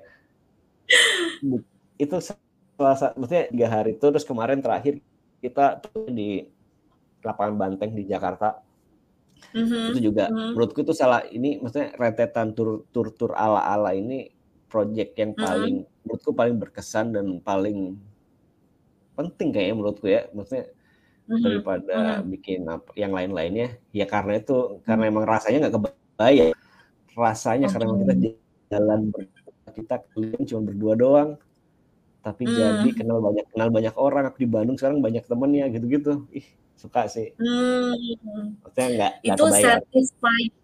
Ya, ya, ya, ya. Satisfying dan memang enggak ada harganya ya, enggak bisa dikasih gak harga ada. malah, kan? Uh -uh. Jujur ada. Dan benar tadi yang kamu bilang kan, maksudnya kamu berangkat dua orang doang. Aku sebenarnya udah mau nanya tuh, lah terus gimana cara bikin show-nya gitu kan? Kan cuma berdua nih. Tapi kamu hmm. bilang di Jogja ada teman, di Semarang ada juga, di Bandung juga ada, dan akhirnya kamu nambah nih uh, koneksinya kan. Berarti hmm. itu juga helpful juga ya enggak? At some point kayak memiliki link itu penting banget di dunia kreatif ya berarti ya. Kamu kayak nggak bisa jalan sendiri kan gitu penting banget sih makanya cuman tetap sih yang di Jogja Semarang itu uh-huh. yang tetap cuman sebenarnya cuma nyariin tempat doang untuk menjalankan acara dan pengennya gimana cuman kita berdua doang yang tahu sebenarnya jadi kayak emang serandom itu cuma okay, kita cuma okay. aku mau cari tempat kayak gini ada nggak gitu doang kalau ada yuk kita cek gitu doang ya, emang ah. emang nggak sih kerja mm-hmm. bakti cuman menyenangkan dan kebayar kebayar kemarin apalagi di Jogja di yang di Jakarta kemarin di Pelabuhan Banteng juga uh rame banget tuh. Itu aku dua hari turut-turut datang uh -huh. ke Pelabuhan Banteng. Jadi aku sendirian naik MRT ke sana ngecek lokasi nyari lokasi yang cocok itu aku sendirian. Maksudnya sendirian berburu sendirian. Wow. nanti di sini aku tinggal store Zik nanti kamu nyanyi di sini. Sisanya uh -huh. di sini baru jalanin gitu itu dan rame banget. Yes. Mm -hmm. Dan itu apakah itu gratis juga nggak yang di lapangan Banteng? Gratis semua. Emang emang sebenarnya tujuan tujuan si Ziki menurutku dia agak gila juga. Cuman ya hmm. ya aku aku karena dia gila makanya aku cocok sama dia. Oke. okay. Dia itu cuman karena kangen penonton. Akhirnya dia bikin acara seperti itu dan itu nggak bayar sama sekali. Oke. Kalau kalau ada yang mau bilang bayar dia bakalan marah. Cuman emang acaranya cuman buat temu kangen doang. Banyak Hmm. ngobrolnya malahan. Jadi ketika Mhm. ketika selama nyanyi malah kita duduk-duduk ngobrol Mhm. ngobrol sama orang-orang yang nonton malah habis ngumpul gitu kan kayak Mhm. kita di taman mulu kan setelah, Mhm. setelah yuk kalian kembali ke tempatnya masing-masing nanti kita keliling buat ngobrol. Itu sampai malam kita ngobrol. Aku juga ngobrol juga. Banyak banyak yang kenal juga sama akhirnya banyak yang kenalan juga. Oh iya mas ini yang dulu suka dengerin gini gini gini. nah yang serunya lagi waktu di lapangan Banteng kemarin aku dikontak sama Sekunto Aji waktu itu dia aku? Enggak. Wow. enggak Ah. aku aku katanya katanya katanya besok apa si si Sal ada acara ya jangan bikin dia ya aku mau datang dia bilang gitu terus dia nanya detailnya tuh acaranya kapan di lapangan Banteng oh iya mas nanti si, jam segini segini segini sini dia datang dong sama maksudnya terus ada temen-temennya gitu akhirnya Mhm. ada Kunto Teddy Aditya terus sama Uh-huh. Ibnu, Ibnu Dian Ibnu Dian tuh meter. Hello dan mereka sa- Mhm. sampai juga nyanyi di situ nyanyi semua jadi kayak cuman silakan kayak gitar sama berdiri di meja dia nyanyi gitu itu sempat rame kemarin di Ah. berita tuh di mana-mana tuh. Tapi si si tiga orang tadi Kunto Aji, Teddy Aditya sama Ibnu siapa? Sorry Nah. enggak? Ibnu Dian Ib- Ibnu. Ibnu Dian itu mereka naik juga nggak ke mejanya itu atau mereka ya enjoy as a audience saja sebagai penonton. sebenarnya mereka datang sebagai penonton cuman sama Ziki Mhm. dipanggil gambar dipanggil. Yuk ini kenalin temanku nyanyi dua lagunya dia sendiri bukan lagunya Ziki lagunya dia sendiri. Jadi kayak si Ah. Meter Hello nyanyi lagunya dia sendiri. Terus setelah itu Mhm. malah Meter Hello itu sampai habis dia duduk di depan duduk di bawah sama nonton sampai setelah ini duduk eh kembali dia duduk di bawah nonton si Ziki. Setelah itu Teddy juga dadak panggil. Itu nggak ada di di di rundown nggak ada jadi memang memang Hmm. itu acaranya Aji Oke. malah dia niatnya bikin surprise disurprisein balik Mhm. dipaksa buat nyanyi banyak Nice. Oh gitu. Tadi Bagus tadi aku Heeh, aku kan kepikiran nggak, maksudnya gini, ah, namanya juga musisi ya, pasti kan punya kenalan musisi juga. Nah, Hmm. pasti kan kayak apa ya, updatean updateannya mereka tuh kayak akan dilihat juga kan. Nah, jadi Hmm. apakah dengan kamu bikin tour ala-ala, ada komentar nih dari kayak musisi sebelah atau mungkin roadman-nya mereka kayak, "Eh, ngapain sih ini? Maksudnya konsepnya Oh, oke. apaan sih? Udah lu bikin tour ini, kemudian gratis," gitu kan. Mereka kan jadi kayak ter ini juga ya, ke ke-trigger lah, kayak, "Ngapain sih Sal ini kan, Sal sama roadman-nya," gitu. Kayak sebenarnya ke- kema- kemarin tuh banyak masuk ke bukan masukan kayak komentar positif sih jatuhnya dari beberapa teman-teman Ah. saya juga. Malah yang Heeh. paling menurutku yang paling keren adalah si Nadine, Nadine Amiza. Mhm. Pada waktu itu aku Oke. ditunjukin ditunjukin Sal chatnya Nadine Heeh. kalau dia menunjukkan kalau eh kamu keren loh berani bikin acara maksudnya bikin acara segratis itu bla bla bla dengan konsep Mhm. yang cuman kamu main gitar gitu dengan santai ketemu dengan kan si Nadine bilang gitu terus dia bilang kalau dia bilang karena kamu udah jalan kayak gini aku terinspirasi untuk jalan juga akhirnya si Nadine Mhm. jalan dalam tiga hari dalam tiga hari dia memilih beberapa orang yang dia nyanyikan di rumahnya Mhm. malam tuh jadi dia ke- Ah. kemarin memilih berapa orang jadi kayak dia ke Bandung ngajakin eh nunjuk satu orang terus disuruh ajakin lah lima orang temanmu atau 10 orang temanmu Nadine cuma nyanyi Mhm. sendirian di situ akhirnya itu salah satu Oh. efek yang menurutku sangat keren karena ya orang kena pandemi siapa sih yang akan sama musiknya apalagi kamu disamperin sama Iya. artis yang kamu suka itu parah sih Bener. parah maksudnya Iya, parah iya. menurutku keren Parah. Ya keren banget sih, paham banget, kebayang lah gitu. Dan itu tadi ya kayak ternyata hal-hal yang kayak gitu malah yang impact-nya gede gitu nggak ya ke Hmm. orang-orang gitu. Heeh. Mantap. Ke, ke aku pun juga impactnya lumayan gede, ya gede banget pada waktu itu kar karena hmm. ya kan aku jalan sama Ziki udah dari dulu kan, maksudnya terus kita kena pandemi sama-sama kosong, terus tiba-tiba mm -hmm. ngelihat pendengar yang nyanyinya kayak gitu beda sih nyanyinya daripada kamu lihat di panggung biasa ya karena emang sedekat itu. Itu yes. rasanya beda sih maksudnya udah jatuhnya kerasa udah bukan keren-kerenan lagi gitu. Iya benar-benar bener sih. Aku bayanginnya gini aja nggak analoginya aku nonton aja di bioskop itu udah wah banget kan ada suara yang. Dolby atau apa. Experience-nya beda. Apalagi uh, ini bahas live music kan kayak wah itu beda lagi sih. Ada chemistry yang nggak bisa diceritakan memang ya gitu. Iya sejujurnya iya hmm. sih. Maksudnya kalau kamu ngelihat dari event yang gede dengan sound yang proper itu bakal enak didengar. Betul. Cuman kalau kamu yang ketemu yang aku kemarin jalan-jalan sama Ziki berdua itu nggak bakalan dengar suaranya. Cuman rasanya jauh lebih enak nggak tahu sih aku juga nggak tahu menjelaskannya gimana ya. Iya iya. tapi paham. Hmm yes yes yes. Itu sih. Oke okay. jadi justru project yang paling membanggakan dari kamu so far kamu anggapnya itu ya enggak ya? Yang kayak yeah. paling wah ini gue gue gue bangga banget gitu. Ya ya karena emang aku mulai dari awal juga kita juga ngobrol meskipun semua impromptu dadakan semua cuman kita hmm. komunikasi enak terus dari awal aku juga hmm. ikut juga enaknya gimana aku juga maksudnya itu salah, salah satu bagian dari aku gitu sama Ziki kita berdua yes. itu menurutku ya bener sih yang paling membanggakan dan paling menyenangkan sih. Mm -hmm. Oke, nah terus ini enggak nextnya, aku kepikirannya gini, kan kamu bilang kalau uh, Sal itu adalah orang yang dalam tanda kutip gila ya, idenya ada oh. aja, dan itu yang bikin kamu cocok sama dia.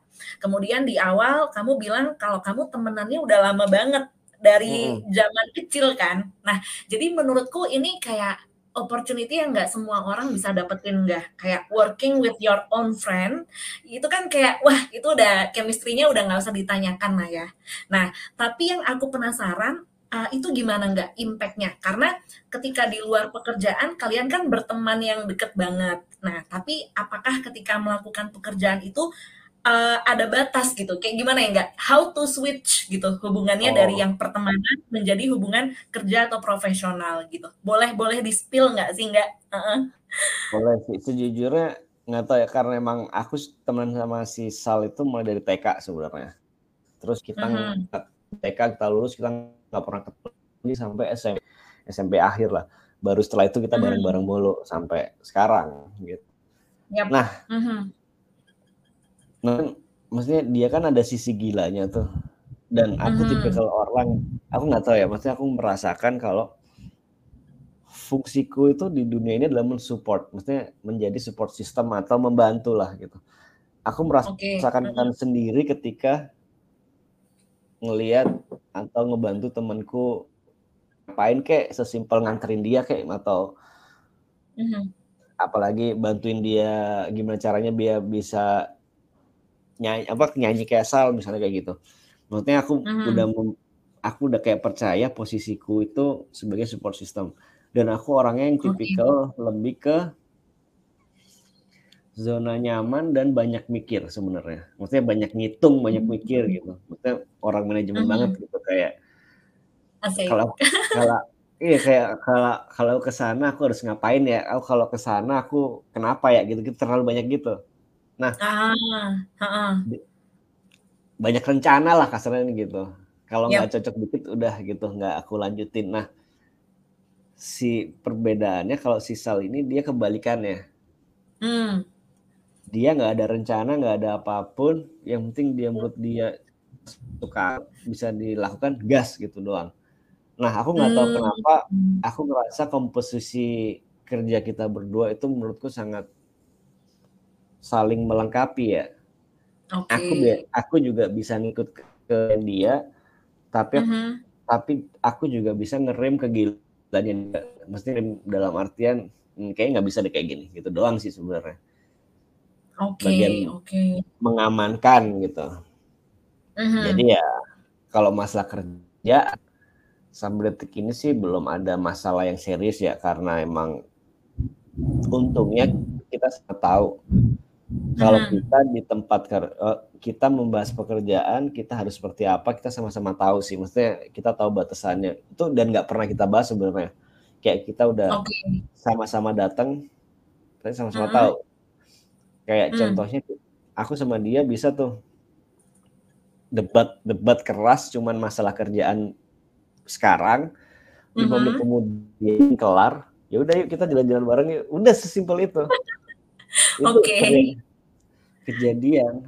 Maksudnya sih hmm. kejadian kayak kayak nggak bisa deh kamu kerja kayak gini nih nggak masuk akal ini ini ini Duh, aku sebel bla bla bla bla terus setelah itu hmm. meeting kelar ya udah biasa itu karena emang kayak settingannya dari dulu kayak gitu aku juga nggak okay. tahu kenapa dan aku nggak uh -huh. bisa menjelaskan juga cuman sampai sekarang sih aman dan di situ Hmm, oke. Jadi tanpa adanya perjanjian ya, uh, quote unquote gitu, kamu kayak yeah. sama dia udah by nature udah tahu lah gitu maksudnya ya kalau kerjaan begini, kalau uh, temenan ya kayak gini gitu yeah, yeah. dan switch switch on on, on off-nya tuh gampang berarti ya nggak ya nggak yang kayak awkward gitu loh kan biasanya gitu ya dari temen hmm. jadi uh, partner kerja tuh ada aja yang hal-hal yang bikin kayak duh nanti kalau aku gini dia gini gitu-gitu loh Iya nggak tahu ya mungkin ya ya kebanyakan sih kayak gitu cuman kayak aku ngerasa hmm. sama si Ziki kayak ini udah ya udah kayak emang kita dari dulu kayak gini aja ya udah nggak ngefek juga dan kita hmm. tahu porsinya dan aku dan aku nggak tahu porsiku maksudnya maksudnya dia sebagai artis, ya aku tahu posisinya dia di mana, terus aku sebagai road manager posisinya di mana. Kita sama-sama tahu sih. Jadi nggak yang terlalu overlapping, nggak belum pernah kejadian juga sih. Jadi okay. masih aman sampai sekarang. Hmm, Oke, okay. nah kalau itu tadi kan uh, kamu uh, hubungan kamu sama si Zikinya ya atau Salnya. Hmm. Nah balik lagi ke kamu nih nggak any hmm. projects yang kamu lagi working on nih sekarang gitu kan? Siapa tahu kita bisa anticipate kan kayak wah Angga mau ini nih ntar aku kepoin ah gitu.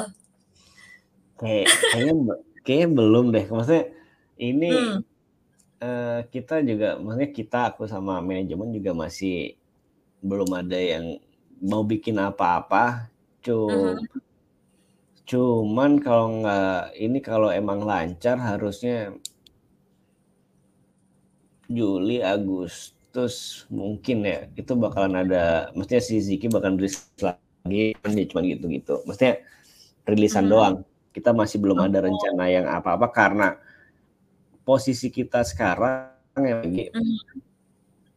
lagi ya gimana cari project, cari kerja yang gimana gimana. Si Ziki juga ya kayak bulan-bulan ini masih bulan-bulan panggungan sih mestinya emang penuh hmm. di situ mestinya uh, orang baru start baru start juga kan betul jadi baru bulan kayak, hmm, baru di stage pemanasan lah ya dari hmm. uh, pandemi balik normal gitu hmm. Hmm. Okay. jadi paling beberapa bulan ini cuman ya insya Allah masih banyak panggungan sih yang bakalan kita harusnya ya masih kita bakalan banyak panggungan berapa bulan ini fokusnya hmm. masih di situ Oke, oke, oke, siap. Semoga nanti lancar semua ya, enggak ya? Uh, project Amin. Amin. Sama ini enggak, aku tuh penasaran deh. Kan kamu uh, udah berkecimpung di dunia kreatif. Kemudian dengerin musik tuh udah pasti lah ya. Mau nggak mau bahkan kan di di di rumah mungkin iya, di kosan maksudku atau kayak pas di panggungan itu tadi pasti dengerin musik. Kamu ada bosennya nggak sih enggak?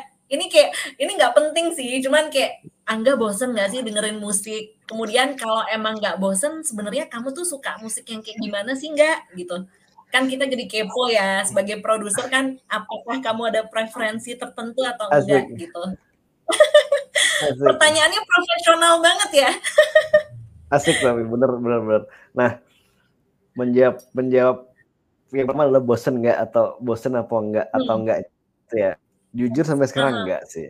Karena aku nggak tahu, aku mulai kecil sama kakakku sama ayahku emang emang dari dasarnya emang suka musik. Dan aku sangat-sangat okay. bersyukur sekarang aku bisa bekerja di bidang yang aku suka. Kayak mm -hmm. dari gini deh kayak sama aja kerjaanku sama kayak main gitu. Mhm. Kit kita kerja habis manggung, kita masih bisa nonton konser artis yang lain, apalagi kalau festival. Mmm. Aku habis turun, habis beres-beres, timku udah beres, ya udah aku bisa Mhm. nonton nonton artis lain, penyanyi-penyanyi lain, ya sama aja konser gratis kan, dan itu salah satu Iya sih. yang sangat Mmm. menyenangkan di pekerjaanku. Jadi kayak emang kerjanya main sebenarnya. Cuman berapa Oke. jam, terus kita main gitu. Nah, Mmm. kalau masalah lagu, sejujurnya aku nggak ada referensi yang yang gimana-gimana gitu sih, semua lagu aku dengerin. Oke, Sekarang mhm.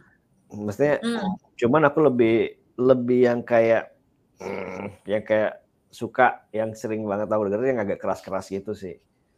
Cuman nggak Ah, mhm. cuman nggak menutup kemungkinan juga kalau di tahun 2019 yang Spotify apa, Wrapped itu Heeh, Wrapped, heeh. Top artisku Blackpink. Maksudnya Oh my God, oke.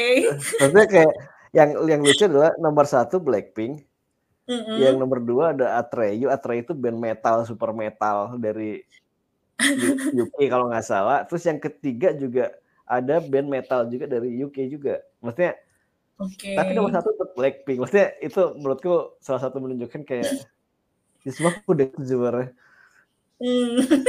Bayangin. Blackpink itu kamu dengerin lagu apa nggak? Kan kan banyak kan, apakah kamu Eee ya lagunya aku jadi lupa lagi. Sejujurnya kalau aku aku lagunya apa aku juga nggak tahu ya, cuman pada waktu itu aku Mhm. sempat ada masa yang aku suka banget dengerin lagu di Spotify ya, itu Mhm. ada yang Blackpink live in Japan kalau nggak salah, Jepang. Ah, oke. Aku juga nggak tahu lagu apa itu, cuman aku dengerin semua. Jadi aku tiap maksudnya kalau aku sering mobil atau di rumah, nggak di rumah nggak sih, kalau di mobil, terus kalau bangun tidur, aku Mhm. dengerin itu satu album. Maksudnya Mhm. karena di di album yang live itu menurutku musiknya Mhm. keren banget sih, sekeren itu, maksudnya musiknya.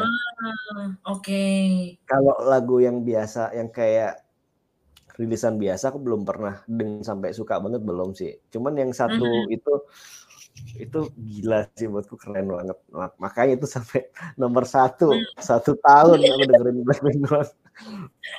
Terus itu eee, terus itu wrap up-nya kamu share ke IG nggak? Biasanya kan anak-anak gitu kan, kayak di-share gitu kan. Enggak sih. Nggak tahu sih, kayaknya. Eh, nggak tahu, aku juga lupa. Itu yang 2 tahun lalu kalau nggak salah, maksudnya lagu Blackpink Mhm. itu. Maksudnya kalau Ah, masalah musik sih semua lagu aku dengerin, cuman PR-ku Mhm. adalah sekarang lebih suk harus lebih sering dengerin lagu Indonesia, karena aku dari dulu nggak tahu, aku lebih suka dengerin musik luar. Jadi aku kayak Oh.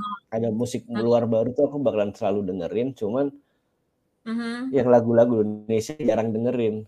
Dan karena aku Mmm. sekarang kerja di ini, di dunia Mhm musik, mhm. otomatis aku harus sering dengerin. Sekarang udah mulai denger-dengerin sih yang album apa, Mmm. lagu-lagu baru, mulai pelan-pelan gitu-gitu. Ah, iya Keren. iya, betul. Bener juga ya, karena sebagai apa ya, aktivis cie, aktivis di dunia kreatif kan kamu juga harus update ya nggak ya? Terutama kan yang Iya. lokal punya gitu. Sebenarnya cuma doang lah gitu, maksudnya nggak perlu kita nggak perlu suka, cuman kita harus tahu karena emang bahasanya Yes. bakalan ke situ dan kita nggak tahu apakah itu Mhm. bisa membawa kerja ke aku apa enggak. Ya kan siapa tahu Mhm. rezeki orang juga beda-beda. Di Jakarta juga se-random itu di dunia kreatif menurutku ya. Betul, Kita ngopi kita ngopi tiba-tiba ketemu siapa siapa, "Oh keren, yuk kita bikin apa yuk." Itu sering banget Mmm. kejadian gitu. Ah, oke oke.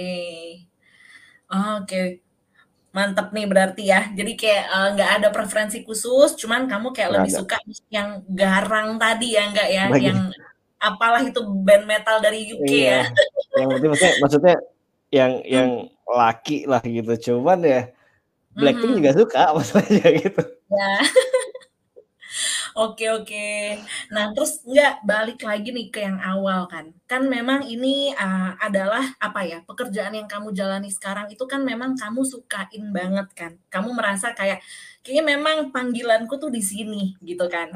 Dan tadi kamu sempat singgung tentang bisnis keluarga gitu nggak? Dan ini ini klasik sih, ini klasik. Tapi kita pun dengan mendengarkan pasti kan bertanya at some point ya, kayak, wah apakah Angga uh, nantinya akan kembali nih mengurusi bisnis keluarganya atau kayak gimana sih enggak? Dan kalau boleh tahu, apakah sebenarnya keluarga ini kayak balik dong, ayo ke ke ini ke bisnis keluarga atau kayak dibebasin gitu? Kalau boleh kepo nih enggak? Uh, perlunya aja kita nggak perlu into detail ya, gitu. No, asik asik asik kok ini. Ya sebenarnya sebenarnya kalau aku ke depannya juga belum tahu ya mau ke mana atau aku juga belum mm-hmm. ada gambaran nih lima tahun ke depan aku bakalan ngapain atau aku bakalan balik ke Malang untuk kerja di tempat keluarga aku atau aku tetap di Jakarta hmm. untuk mengejar di dunia musik aku juga jujur belum bisa jawab sekarang. Nah, okay. cuman kalau dari keluarga pun, hmm, kalau dari ayahku tipikalnya kayak aku sih orangnya gak santai-santai gimana gitu. Ah, oke. Okay. Maksudnya orangnya mirip-mirip lah gitu, sama-sama santai. Cuman ya udah jalanin gitu-gitu doang orangnya. Terus kayak mm-hmm. kayak dia juga lebih membebaskan kalau dari ayahku sebenarnya kayak mm-hmm. kamu pengen apa ya udah kalau kamu bisa kejar aja dan aku sangat bersyukur mm-hmm. dengan itu. Yap. Mm-hmm. Aku dibolehin. Cuma kalau dari ibuku ya namanya mm-hmm. ibu ya pasti ke hmm. anaknya pengen deket kan itu juga tiap yeah. aku pulang juga pasti ditanyain kamu nggak pengen di Malang aja kamu di Jakarta nggak bosen kamu nggak pengen hmm. bikin apa di mana gitu-gitu maksudnya standar itu cuman nggak yang sampai ngelarang aku balik ke Jakarta nggak ah, soal okay. jadi pada waktu aku awal memutuskan untuk pindah ke Jakarta itu kayak hmm. emang agak berse, bersinggungan kayak nggak enakan dikit lah sama orang rumahku gitu mm -hmm. karena ah, bukannya apa ya karena emang di keluarga aku kan emang keluarga keluarga lama gitu ya. Maksudnya orang ya emang orang lama lah gitu. Aku menjelaskan posisiku sebagai road manager deh. Itu sangat susah sebenarnya ke mereka. Oh, oke. Okay. ngerti nggak? Jadi kayak kayak kalau aku ngobrol sama sekarang deh aku menjelaskan road manager ngapain? Road manager cuma project man kayak project manager. Itu udah clear orang udah tahu Mm-hmm. Cuman kalau orang lama kan gambarannya masih kamu dapat apa sih di musik? Intinya kayak gitu. Apalagi kamu nggak nyanyi apalagi kamu bukan artis kayak gitu loh. Kecuali aku mm-hmm. artis mungkin mungkin mendiiakan ya yeah. namanya apa ya namanya kekhawatiran orang tua. Dan aku sangat bersyukur juga aku masih dikhawatirkan sebenarnya. Yes benar. Cuman ya masalahnya cuman gitu-gitu doang sih. Untuk sampai mm. detik ini aku belum tahu. Cuman kalau dari orang tua kalau bisa sih mengharapkan aku di Malang meskipun aku nggak kerja di meskipun aku nggak kerja di bisnis keluarga uh-huh. cuman harapan mereka aku tetap di Malang okay. cuman sampai sekarang ya aku masih dibebaskan ke Jakarta untuk ngejar ini ya siapa tahu siapa tahu rezekiku di sini uh-huh. kalau emang kalau emang nggak cocok kan tinggal putar balik ntar kita lihat nanti ya benar-benar setuju sih sebenarnya ya. Kayak maksudnya uh, pasti kayak maksudnya apa apa maksudnya untuk perantau itu biasanya akan di di apa ya dihadapkan ke kebimbangan itu tadi nggak? Kayak gue balik nggak ya, aku balik nggak ya, atau aku mengejar mimpiku gitu kan.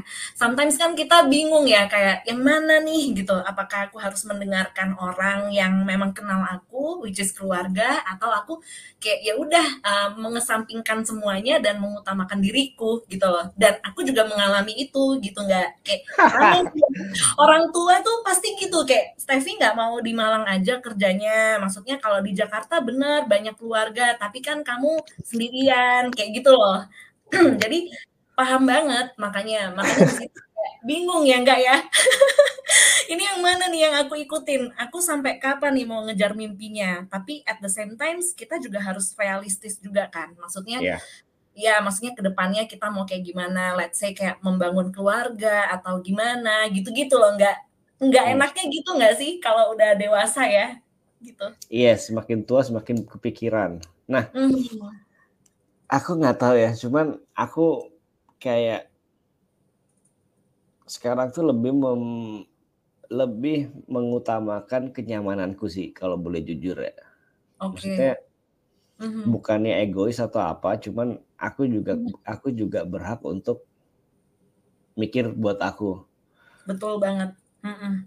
Nah, masalahnya aku masih belum bisa tuh mikir yang untuk ke depannya aku gimana, aku uh, aman nggak kerja di bidang kayak gini, bla bla bla. Aku belum bisa mikir kayak gitu hmm. karena aku masih ini nih, masih kayak yang penting aku seneng dulu deh gitu. Hmm. Yang penting aku hmm. cukup dulu deh gitu. Soalnya aku Betul. pernah ngeras, ya itu karena aku pernah ngerasain yang ada fase di mana Iya emang duitnya oke, cuman uh-huh. kosong sekosong itu. Maksudnya itu aku pernah ngerasain kayak gitu. Jadi kayak paham. Sekarang nih mungkin dan aku nggak tahu ya. Mungkin karena aku terlalu egois atau gimana, cuman kayak ya udah yang penting aku seneng dulu.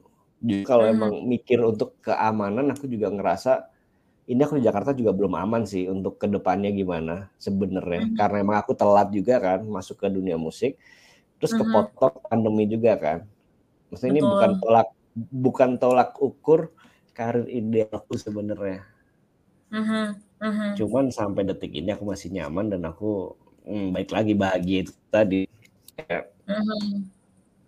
kayak iya itu, itu uh-huh. gimana kayak bahagia aku sekarang masih di sini gitu yep. belum bisa uh-huh. mikir yang jauh-jauh juga ya ya udah dinikmatin aja dulu Betul. Wah, iya sih nggak paham banget. Karena kebahagiaan itu kan sebenarnya internal ya. ya benar-benar datang dari diri sendiri gitu. Mungkin dulu kita bahagia karena let's say ketemu gebetan atau apa. Sekarang tuh semakin kita dewasa semakin sadar nggak kayak kebahagiaan itu aku yang menciptakan loh gitu loh. Jadi kayak ketika aku punya kesempatan mengejar mimpi, why not gitu kan? Ya kejar aja dulu gitu loh. Karena nanti juga nggak akan ada kesempatan lagi nggak sih? Nggak, maksudku hidup tuh kayak kalau kamu nggak mencoba, kadang kesempatan tuh hilang gitu loh. Ya nggak sih?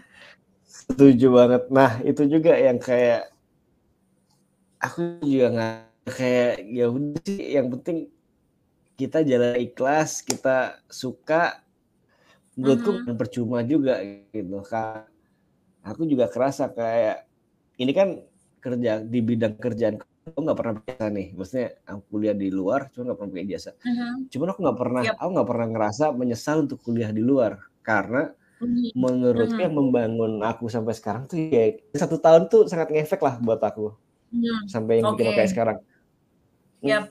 itu yang aku akan sekarang jadi kayak ya pun dapatnya kecil atau aman nggak aman yang penting aku seneng dulu lah gitu nggak tahu aku capek nggak tahu sakit atau gimana yang penting aku dulu mm-hmm.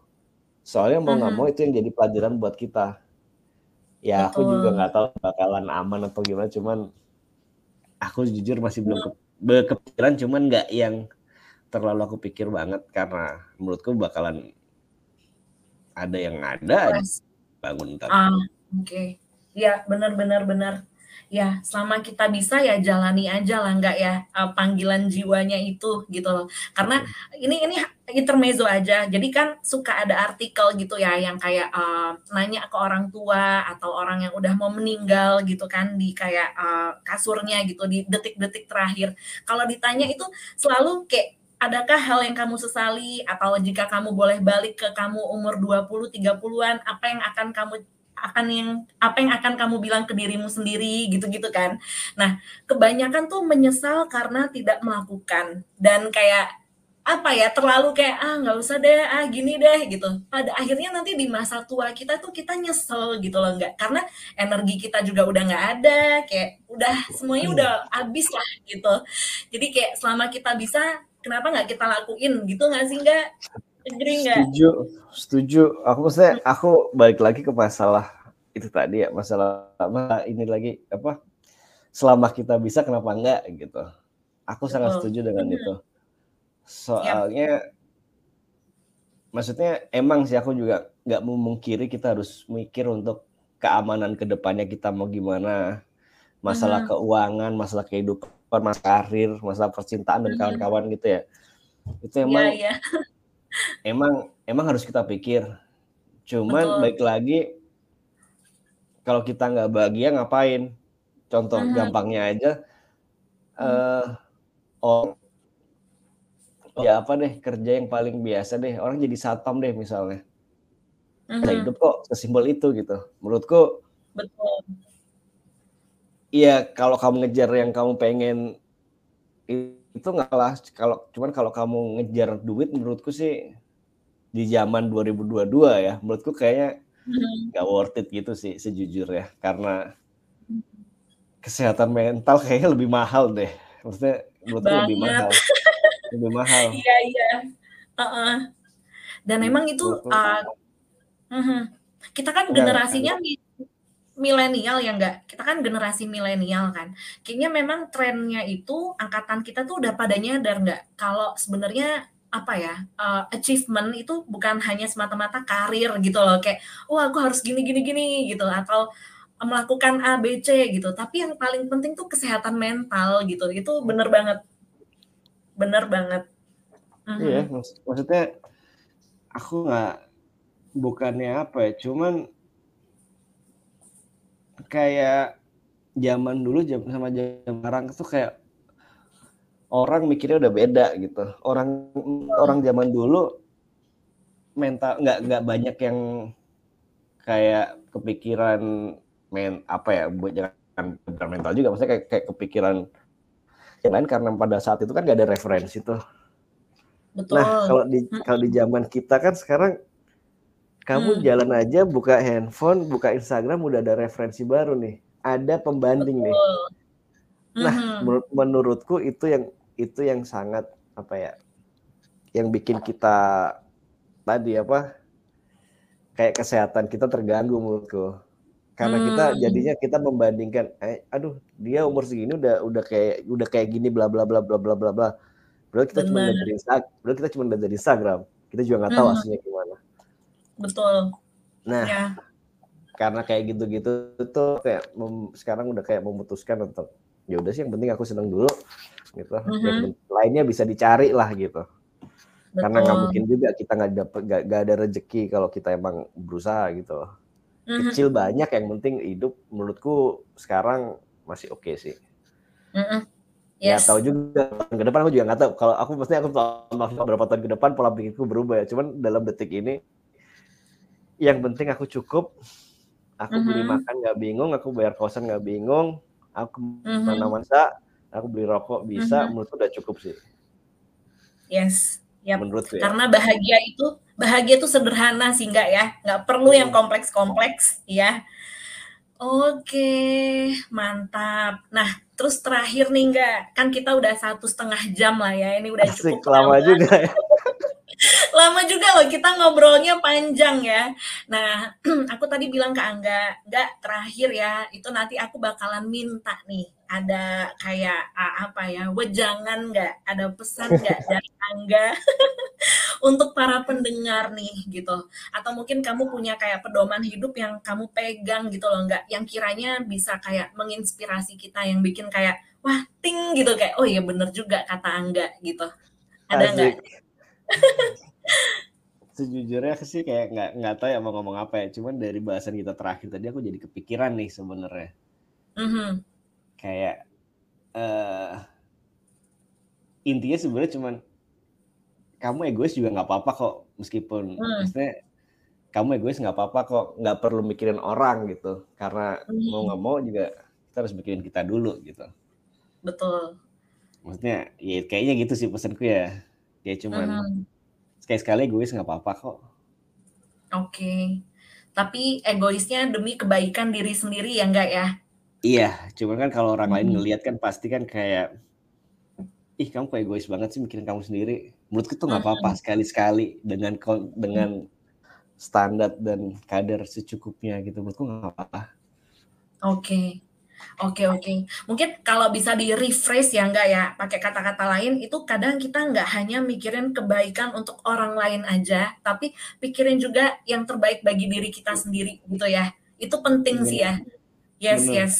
Mm-hmm. Yang penting jangan ya intinya jangan lupa sama dirimu sendiri sih itu aja. Betul. Oke, sip kalau gitu. Thank you banget Angga udah mau diundang nih di di sela-sela kesibukan loh guys, kesibukan sebagai road manager kan. Aku beberapa kali tektokan enggak, bisanya kapan gitu kan. Tapi karena emang padat nih. Tapi ini weekend ah, apa? Gimana? Weekend enggak sih minggu ini lagi kosong, maksudnya weekend ini ah. lagi kosong. Weekend mm -mm, depan kerjaanku juga emang ya. kebanyakan di weekend sih. Jadi ya gitu. Kalau hari biasa banyak mager ya. ya pasti ya, Steph. Ya, thank you enggak. Dan karena kamu di Jakarta, mungkin nanti yang semanti cabang ja Jakarta ngumpul kali ya at some point ya. Boleh, boleh. Aku kemarin di kontak siapa ya? Ada kontak siapa aku tuh? hari. Kayaknya banyak sih, tapi di Jakarta ya enggak ya? Banyak. Coba, coba kapan-kapan kalau anu. Mm -hmm. Cuma ada yang yes. dia eh ada yang ada kok yang ngajakin aku ketemu cuma aku lupa.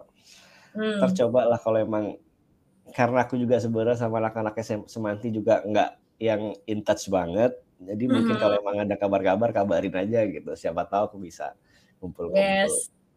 Yap. Oke okay. pastinya. Sampai. Mm-hmm. thank you enggak thank you Steph. Bye. Sampai ketemu lagi. Bye Thank you for listening to Siram. See you in the next episode. Bye.